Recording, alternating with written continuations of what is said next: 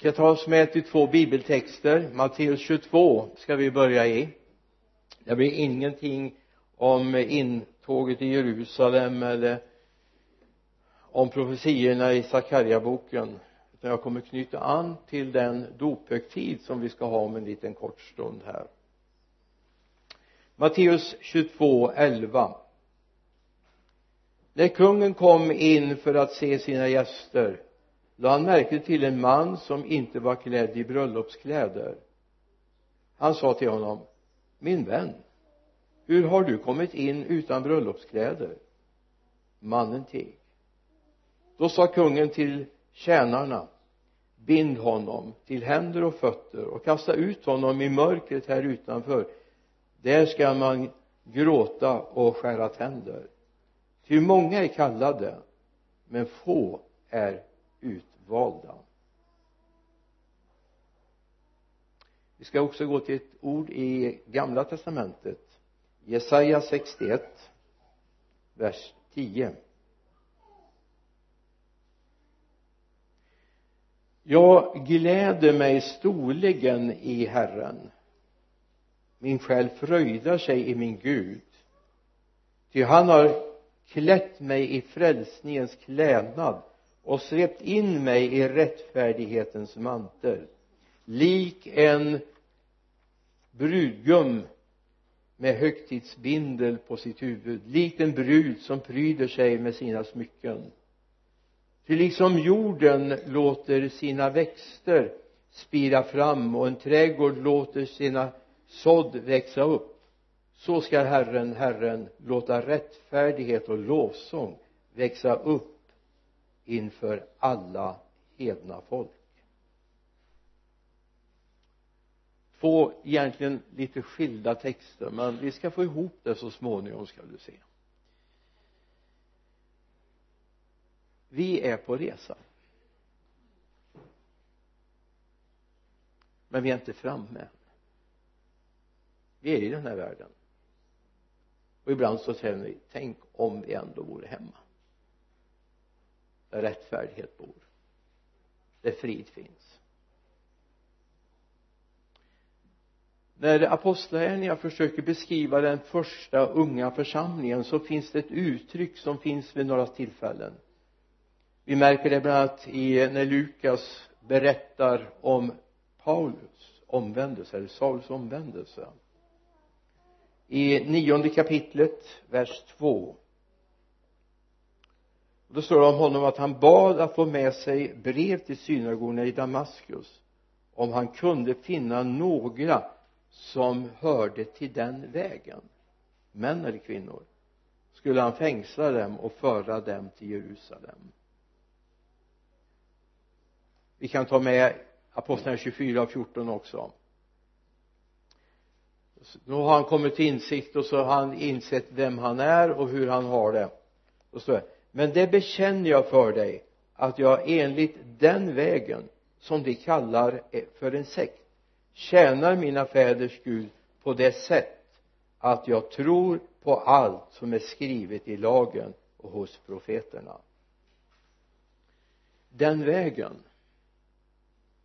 beskriver någonting av de här människorna. Det var inte en kyrka. Det var inte ett samfund utan det var människor som hade tagit fasta på ett växande och utvecklande och ett mognande. De var på väg. De utvecklades i sin tro och ville gå med Gud. Vi tror på ett liv i utveckling. Det är inte kyrkor vi ska bygga i första hand. De är praktiska, de är bra att ha. Men eh, det är vi som är de viktiga och det som ska vara kännetecknande för oss det är vårt liv med Gud oavsett om jag är på arbetsplatsen i kyrkan eller hemma. Så är det mitt liv som ska prägla. Och det kan man säga om den första kristna församlingen. Det som präglade dem det var deras liv. Och de byggde inga kyrkor. Utan om vi läser i apostlagärningarnas femte kapitel ska vi se från vers 12 och så att många tecken och under skedde bland folket genom apostlarnas händer. Och det var alla tillsammans i Salomos pelarhall. Alltså i templet. En del av templet. Där höll de till. Av de andra vågade ingen sluta sig till dem men folket uppskattade dem. Och ännu fler kom till tro på Herren och skar av och en skara av både män och kvinnor. Ja man var till och med ut i sjuka på gatorna och la dem på bäddar och bårar för att åtminstone Petri skugga skulle falla på någon av dem när han gick förbi. Och så står det att det kom också folk ifrån andra städer mitt i Jerusalem. Där växer en kyrka, en församling en kristen gemenskap fram. Och det är viktigt att konstatera även nu. Vi är på väg. Vi är inte framme. Vi kan inte slå oss till ro utan vi vet att vi är på väg tillsammans med honom. Och vi bör påminna oss om vad första Johannesbrevet säger till oss det femte kapitlet vers 19 vi vet att vi tillhör Gud. Amen. Vi vet att vi tillhör Gud. Men så kommer det. Och att hela världen är i den ondes våld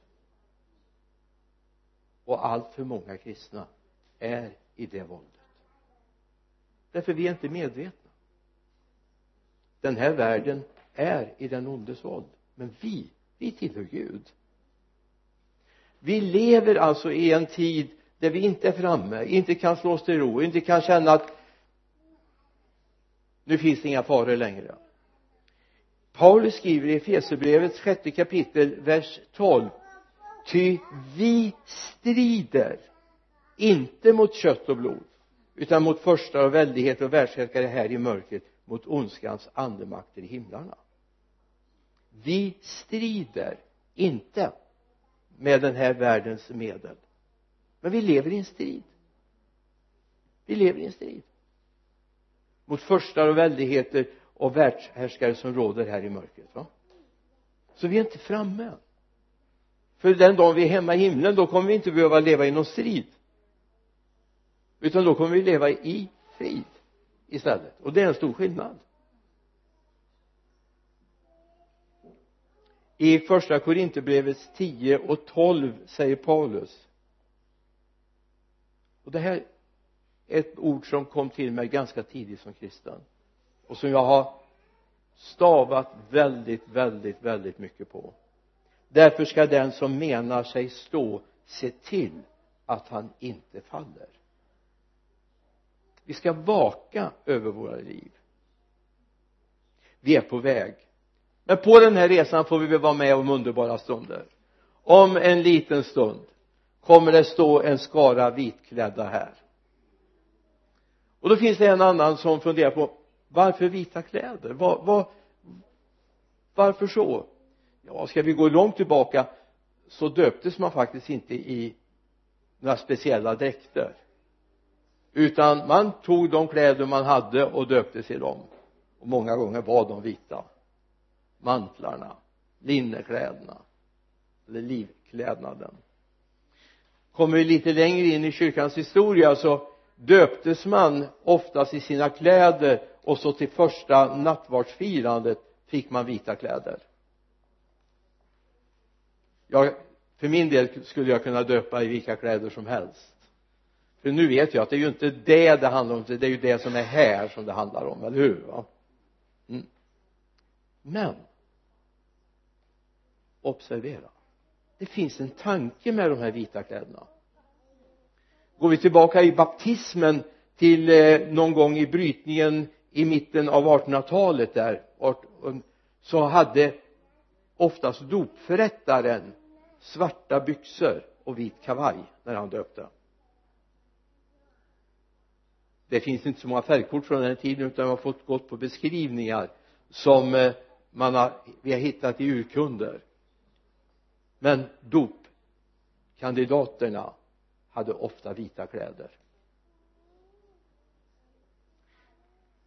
Varför det? Att man har vita kläder det finns ett symbolvärde i det. Det ska symbolisera rättfärdighetens klädnad. Renheten och tillhörigheten till den himmelske fadern. Så att när du ser dem så är det ett sätt att beskriva vi har tagit på oss Guds rättfärdighet och det är väldigt gott att veta att man har inte behövt sy det själv. Alltså jag menar Guds rättfärdighet. Utan det är en gåva, någonting man får ta emot. Precis som dopdräkten. Gud är en helig Gud. Och vi kommer inte till Gud hur som helst. Guds gemenskapen är helig. Det är ett ljus dit ingen människa kan komma. Men i Kristus kan vi komma dit. I dig själv kommer du aldrig kunna komma nära Gud. Men i Kristus så bereds du möjlighet att komma nära Gud. Det är därför du ska ha rättfärdighetens klädnad. Och då är det inte det viktigaste att du har en vit dopdräkt utan frågan är vad finns här inne? Vad är du klädd i innerst inne så att säga? Det är det som är viktigt. Vi ska påminna oss vi är på väg vi är inte framme men här i den här världen i den här av synd plågade världen så får jag leva med Guds rättfärdighet. Inte på grund av mina förtjänster inte på grund av att jag har varit perfekt utan på grund av hans nåd har jag fått kommit in i det i romarbrevets femte kapitel dess inledning så står det då vi alltså förklarats rättfärdiga av tro har vi frid med Gud genom vår Herre Jesus Kristus. Genom honom har vi också tillträde till den nåd som vi nu står i och vi jublar i hoppet om Guds härlighet. Då vi nu alltså, vad står det, förklarats rättfärdiga. Du kan inte komma och säga jag vill ha rättfärdighet. Utan det är en nådeutsträckt hand mot dig. Du kan få Guds rättfärdighet. Och det är Gud bara som kan förklara det som domaren du kan inte komma till domstolen om du är anklagad för någonting och säga men jag är oskyldig nu går jag härifrån. Det är en och annan som har känt att han skulle vilja säga det. Och det kanske man har rätt att det, man är oskyldig. Men det är inte förrän domaren har fällt utslaget oskyldig som du är oskyldig. Så är det. Det är bara Gud som kan förklara om du är skuldfri om det förklarar rättfärdig. Och det gör han av nåd.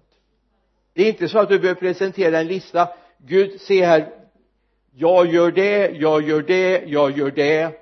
Jag ger allmosor, jag ber jag läser bibeln, jag går till gudstjänsten, jag hjälper grannarna, Gud se här. I scoutvärlden kanske det har gått hem men inte hos Gud. Han ser mitt hjärta. Och då kan han förklara mig rättfärdig och det är något fantastiskt. Att få leva i den här världen i den här syndpräglade världen och känna jag är rättfärdig inför Gud. Jag har rätt att komma till Gud. Jag har rätt att träda fram inför Gud. Rättfärdighet det handlar om att ha rätt till att komma in till Gud. Och det är nåd vi läste om en man som kom till bröllopet utan bröllopskläder. Och kanske inte vi lyfter på ögonbrynen och tycker att det är så märkligt. Vi talade om lite grann om det här i fredags. Jag såg att när kungen kom in för att se sina gäster lade han märke till att en man som en man som inte var klädd i bröllopskläder han sa till honom min vän hur har du kommit in utan bröllopskläder? Mannen teg. Två saker. Jag menar det kan vara dyrt att gå på bröllop, eller hur? Man måste köpa nya kläder och göra sig i ordning i håret och det är dyrt att gå på bröllop. Så man får allt passa sig för hur många inbjudningar man säger ja till, eller hur? Så ska man köpa en dyr present då men det, det är en bildspråk som Jesus tar upp här. Det handlar om det bröllopsceremoni som fanns då. Vi skickar ut inbjudningskort. Eller också annonserar vi alla är välkomna. Eller också skickar vi ut ett inbjudningskort att eh, ni får övervara vigseln mellan vår dotter eller vår son och så vidare va? Och så brukar det stå ett OSA om svar anhålles så var det inte då. Utan om din granne skulle gifta sig och du blev inbjuden så kom de med bröllopskläderna. Överlämnade dem per definition var du skyldig att gå på bröllopet. Det här med friheten den västerländska friheten fanns inte. Var du bjuden så gick du.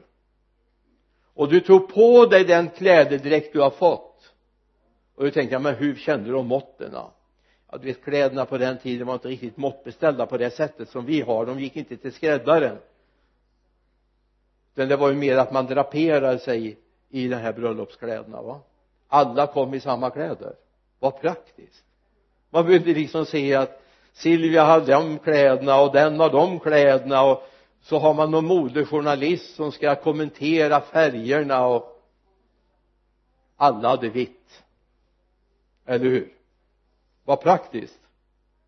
Den här mannen hade struntat i att ta på sig bröllopskläderna. Problemet var inte att han kom. Problemet var att han inte hade lytt etiketten. Och den här bilden använde Jesus för att säga vi kan inte komma till bröllopet utan rättfärdighetens kläder. Och de har vi fått av honom i och med att frälsningsbudskapet gick ut till dig så har också budskapet om att du kan få ikläda dig rättfärdighet kommit till dig. Och du har möjlighet att få vara iklädd honom. Det andra jag vill säga om det här. En del har funderat över hur i all sin dag kom den här mannen in i himlen? Hur kom han in i himlen? Utan bröllopskläder. Om det nu var så viktigt. Har du en lösning på det? Det här är innan man går in i bröllopet. Man sitter och väntar på att dörrarna ska slås upp. Och man ska få gå in i bröllopssalen. Var sitter vi medan vi väntar på att få gå in i bröllopssalen? Vad är förgården till Guds bröllopssal i vår tid? Det är församlingen. Det är församlingen. I en församling kan vi faktiskt komma utan att vara iklädda bröllopskläder. Vi kan till och med ha tillhört under hela vår livstid församlingen. Vi kan vara döpt och vi kan ha allt runt omkring men ändå har vi inte tagit på oss rättfärdighetens klädnad. Så kommer det en dag då han kommer tillbaka. Om vi då fortfarande lever så kan man ha gått till gudstjänst varje söndag under många år ändå få bli bland de kvarlämnade. Därför man ville inte ikläda sig Guds rättfärdighet. Vad tragiskt man kan varje sång. Man känner bibelorden man kanske till och med delat bibelord kanske till och med skrivit sånger. Vad vet jag? Man kanske till och med har delat Guds ord och vittnat och predikat. Men ändå var man inte iklädd Guds rättfärdighet. Det är bara hans strålkastarljus som kan se det. Det var inte så att man satt och tisslade och tasslade och sa så här ja men ser ni han? Han är ju inte klädd för bröllopet ja men ser ni inte han som sitter där borta? Han har ju inte tagit på sig bröllopskläderna. Det står ingenting om det. Men när han kommer kungen och ser på skaran som sitter där innan, precis innan dörrarna ska slås upp. Min vän hur kom du hit in? Utan att vara klädd i rättfärdighetens klädnad i den vita dräkten i bröllopskläderna som jag hade sänt till dig. Han kunde inget svara. Vi kan lämna det som hände honom. Han fick ingen ny chans. Tåget hade gått. Det finns ett uttryck som vi använder ibland i evangelisationssyfte. Vi säger så här kom som du är. Det finns en fortsättning på det uttrycket. Men förbli inte som du är. Kom som du är men förbli inte som du är. Låt Gud få göra någonting i ditt liv den här mannen hade svarat upp på den kallelse som vi läser om i Matteus 22, 9 och 10 först står det i verserna innan att det var en grupp som var bjudna som inte ville komma som inte ville hörsamma inbjudan. Och då säger kungen som ordnar bröllopet gå därför ut till vägskälen och bjud till bröllopet alla ni alla som ni träffar på tjänarna gick då ut på vägarna och samlade alla de mötte. Både onda och goda och bröllopssalen fylldes med gäster ja både onda och goda. Ja men det står det. Onda och goda. Jag vet ju inte vilken kategori du räknar till. Jag hoppas du räknar bland de goda men det är upp till dig och Gud, eller hur? Mm. vilken kom Jesus för? Han kom för att kalla syndare. Och det här är en bild på den kallelse som vi får fortsätta att effektuera. Vi ska kalla syndare. Vi ska också kalla dem goda med, göra dem medvetna om att snart är det ett bröllop. Det är en fest. De har med sig bröllopskläderna och de får klä i, ikläda sig dem.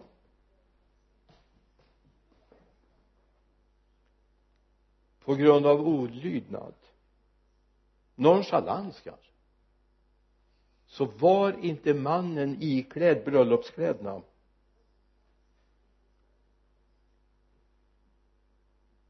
Och han kastades ut utanför. Jag vet inte varför men jag känner bara att jag skulle vilja beskriva det helvete som finns utanför.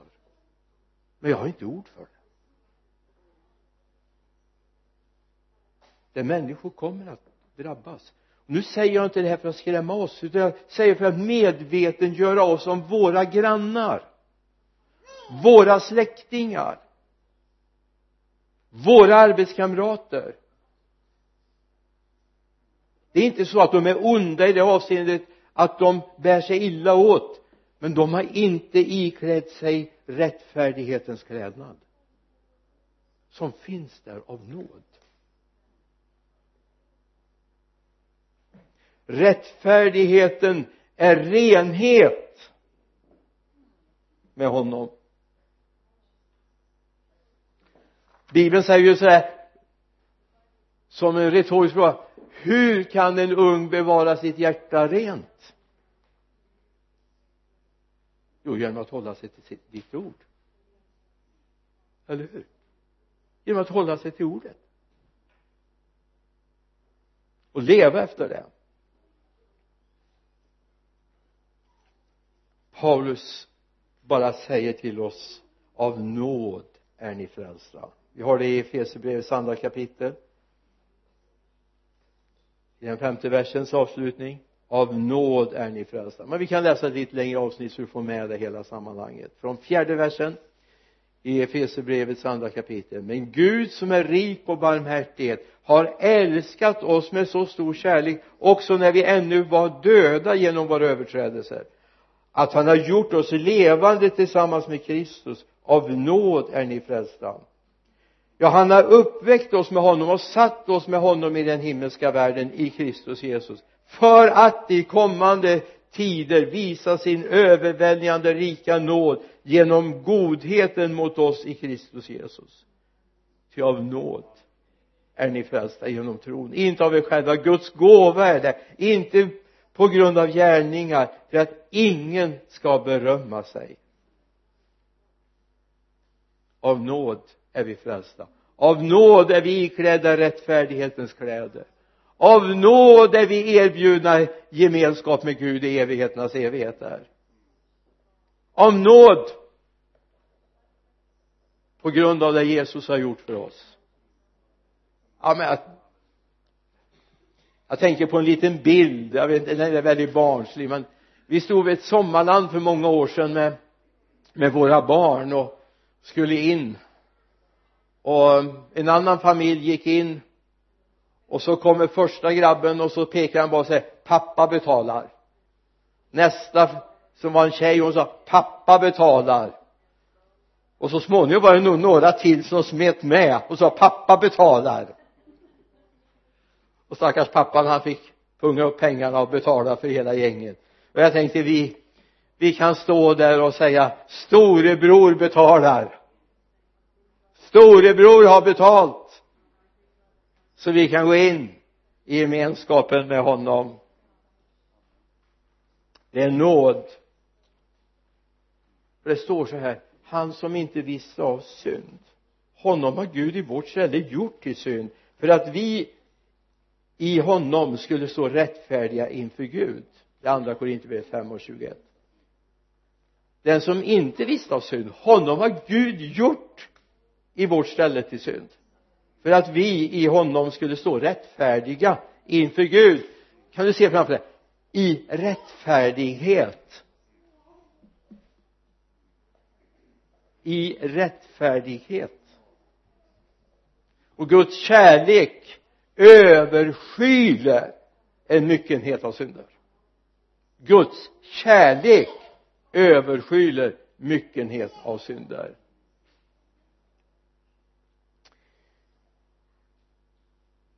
Hur skulle det gå om vi kom till himlen utan rättfärdighetens klädnad? Hur skulle det gå? Kan vi tänka en liten stund? Vad skulle hända om du kom till himlen utan Guds nåd och Guds rättfärdighet? Nu vet jag att det här är omöjligt så det här är bara ett tankeexperiment. Det är ingenting du kan hålla fast i och säga ja men kanske det går för mig ändå.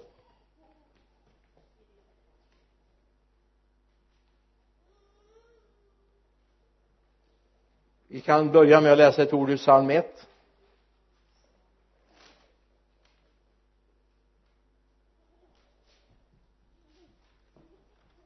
vers 5 därför ska de ogudaktiga ej bestå i domen. Ej syndarna i de rättfärdigas församling.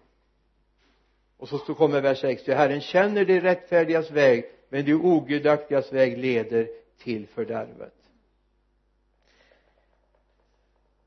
Jag vet inte hur, hur du är när, ja men solen är ju inte så alltför gassande i Sverige.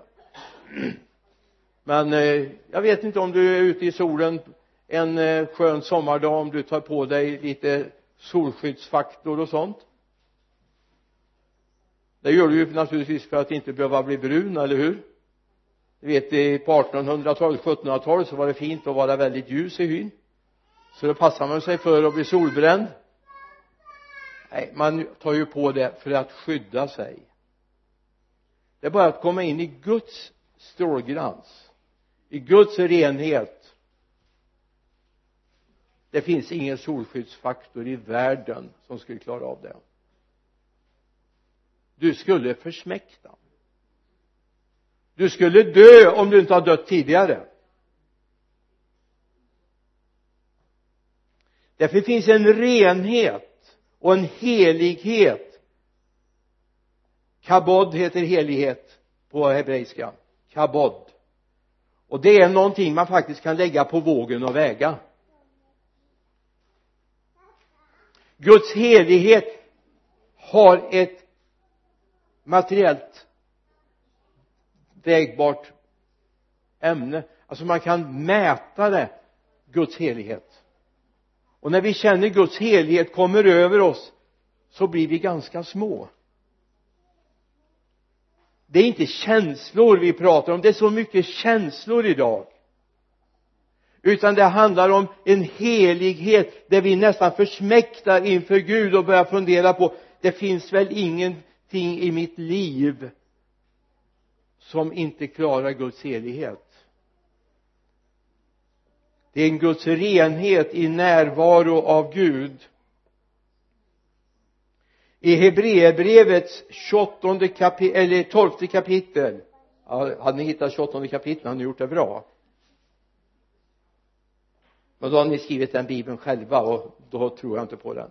Vi kan bara nöja oss du får gärna titta på verserna innan men vers 29 ty vår Gud är en förtärande eld. Det finns en helighet en renhet som är förtärande för dem som lever i synden. Som inte är iklädda rättfärdighetens, skulle vi säga, skyddsklädsel.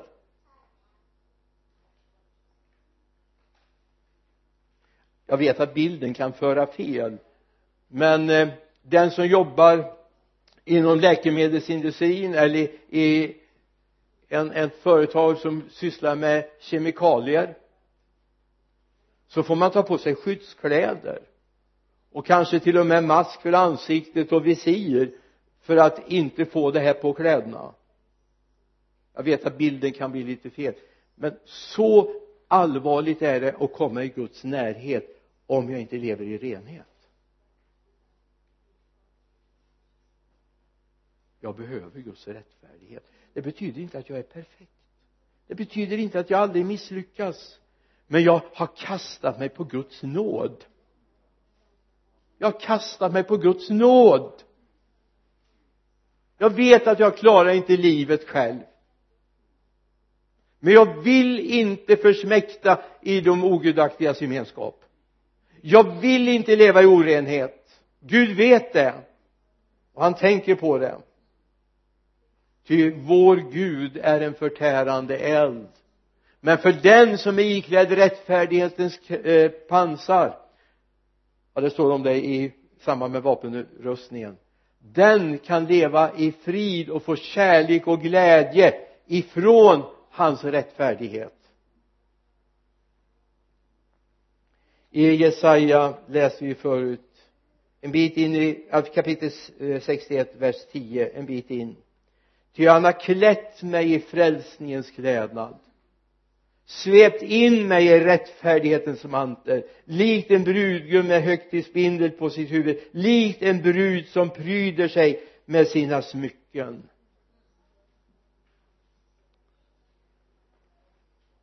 Vi kan vara svaga ibland för om vi ser någon som är fint klädd, vackert klädd till och med. Lite sådär estetiskt tilltalande va? Men Gud känner också.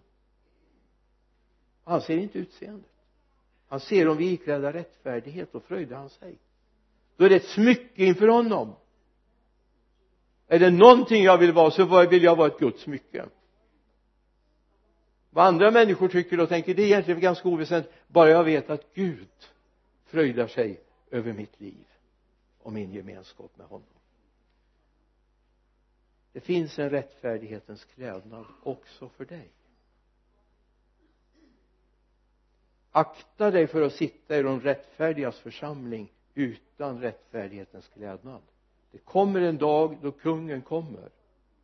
Och han kommer fråga varför kom du in här? Varför? Det finns inga svar på den frågan men det finns en möjlighet att göra någonting åt det innan vi är där. Vi ber tillsammans. Jesus vi får vara inför dig i helighet och rättfärdighet. Vi får vara inför dig den här dagen fader. Och vi tackar dig herre för att du har klätt oss i rättfärdighetens klädnad. Vi får vara dina barn av nåd. Och du tog emot oss. Och du har klätt oss. Inte på grund av vår fullkomlighet. Inte på grund av att vi gör allting rätt och tänker alltid rätt. Utan på grund av att vi får kasta oss in i din nåd. Omslutas på alla sidor. Tack herre för att du hör oss. Amen.